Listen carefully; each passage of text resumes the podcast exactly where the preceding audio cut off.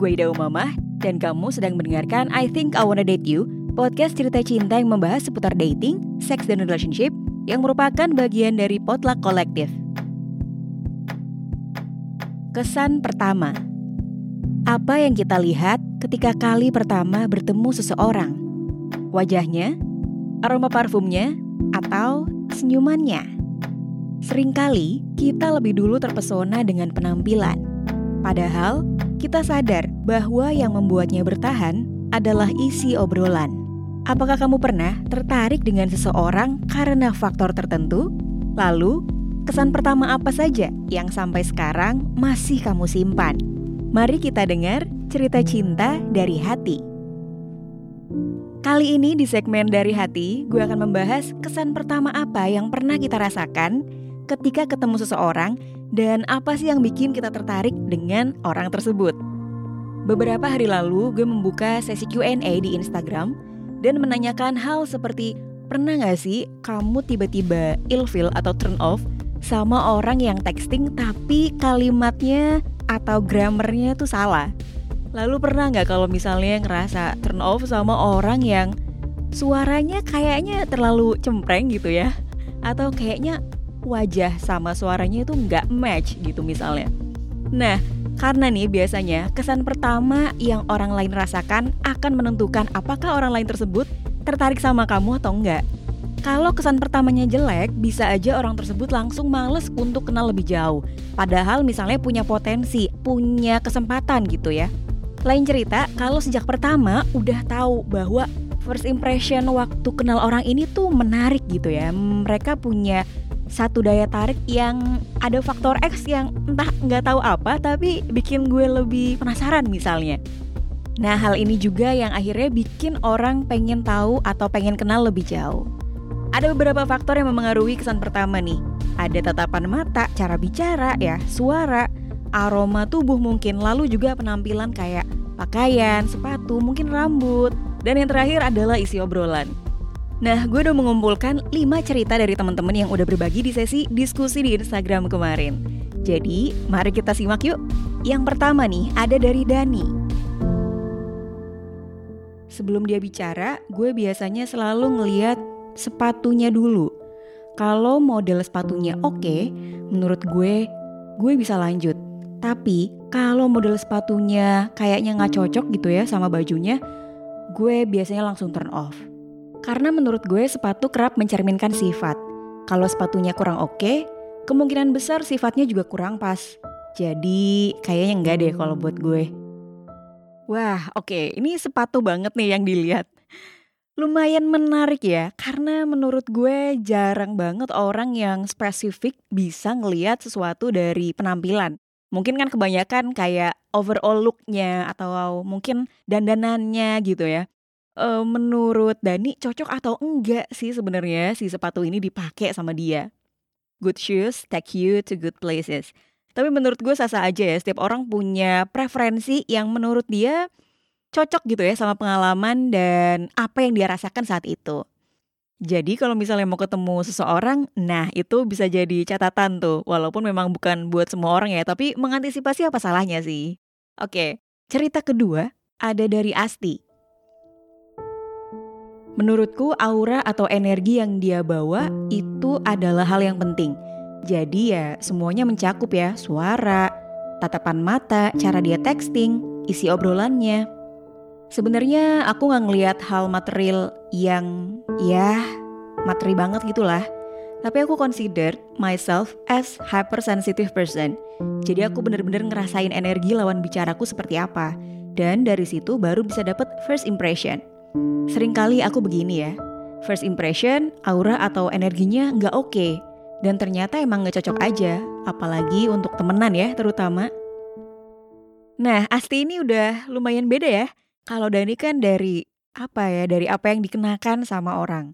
Nah, kalau Asti, dia lebih melihat atau merasakan aura atau energi seseorang yang dia temui kali pertama. Jadi Asti mungkin udah bisa nih menilai orang ketika kali pertama ketemu, wah ini orangnya auranya mendung atau bercahaya atau silau gitu kan. Jadi baru, oh oke, okay, kayaknya gue cocok sama dia nih kalau ngobrol lebih jauh. Boleh, boleh, boleh. Bisa dilatih nih ya. bagaimana cara kita merasakan sesuatu dari energi yang ada di sekitar kita. Karena kita bisa merasakan apa yang kita rasakan saat itu ketika ngobrol atau ketemu sama orang lain. Oke, cerita yang ketiga ada dari Dimas. Aku biasanya menilai dari aroma parfum atau badannya yang gak cocok di hidung aku. Aku langsung blacklist sih karena kayak cukup sampai di sini dan aku nggak bisa ngelanjutin nih jujur aja. Ya sebetulnya apa ya alasan Dimas nih juga menurut gue sangat esensial ya. Karena gimana pun mau lo secakep apa pun, sebersih apa pun ya. Kalau misalnya agak-agak bau badan ya, lalu juga tahu aroma parfumnya menyengat banget kayak dari jarak 10 meter udah kecium terus bikin pening gitu. Oh my god, itu itu nggak banget sih apalagi kalau urusannya soal kencan pertama. Nah, mungkin teman-teman bisa cari referensi parfum yang light yang wanginya tuh nggak menyengat banget. So, teman-teman, ini hal sepele tapi please kasih perhatian lebih ya. Oke, kita lanjut ke cerita berikutnya. Ada dari Tina. Akhirnya pas udah gedean berasa kalau first impression yang bikin nyaman itu adalah yang membawa suasana asyik pas ngobrol kali pertama. Meskipun gue anaknya cenderung awkward dan blow on. Gue penganut kadar kegantengan orang nambah kalau suaranya ngebas dan berkurang kalau suaranya cempreng. Tapi nggak tahu kenapa, kalau dibilang konstruksi sosial, ya mungkin juga sih. Cuma preferensi personal aja. Gak apa-apa dong ya, bukan berarti cempreng itu jelek juga sih. Gak semua orang juga. Well, oke okay, Tina. Jadi gue cukup setuju ya ketika ada preferensi lo yang bilang suara makin ngebas makin lo tertarik. Itu memang ada dan tidak hanya aroma tubuh ya atau aroma badan yang tadi gue bilang sebelumnya.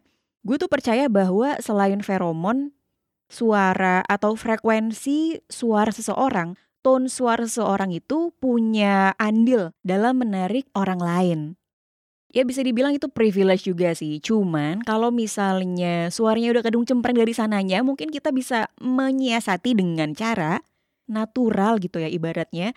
Dan gak dibikin-bikin, mungkin itu udah cukup ya menurut gue. Toh suara yang cempreng dan suara yang ngebas punya dalam tanda kutip pasarnya masing-masing.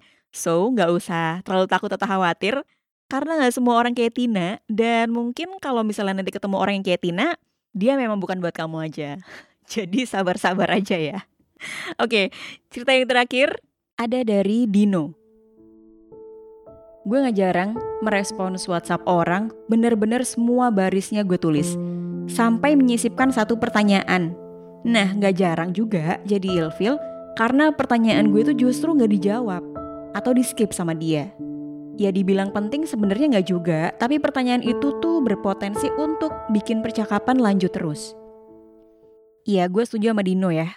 Kadang-kadang kita udah usaha banget untuk apa e, menyisipkan sesuatu secara smooth ke obrolan-obrolan, tapi malah di skip atau justru enggak menarik perhatian dia atau mungkin lupa atau gimana nggak tahu juga ya.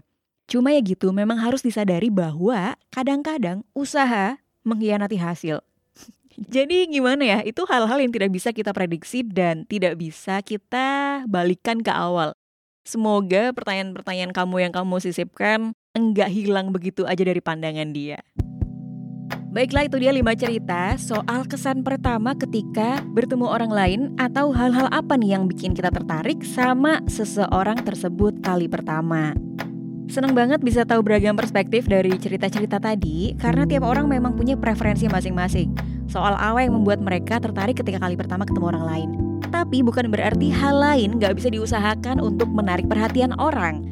Kesan pertama itu memang penting ya, makanya kencan pertama atau wawancara kerja sering kali dijadikan komparasi, ya nggak? Karena secara fungsi sama-sama pengen tahu nih kesan pertamanya gimana, orangnya seperti apa, pengen tahu gitu kan. Kalau menurut Psychology Today, dalam penelitian yang dilakukan oleh Janine Willis dan Alexander Todorov, Ditemukan bahwa dari semua sifat yang diteliti, para peserta menilai kepercayaan yang paling cepat dalam 100 milidetik untuk diketahui. Nah, ketika diberi lebih banyak waktu, mereka punya penilaian tentang kepercayaan yang gak berubah. Jadi artinya penilaian sepersekian detik awal tadi cukup banyak bertahan loh. Meskipun kadang kita bilang ya, ya kan karena dia belum kenal gue aja lebih jauh, makanya nggak tahu gue kayak gimana.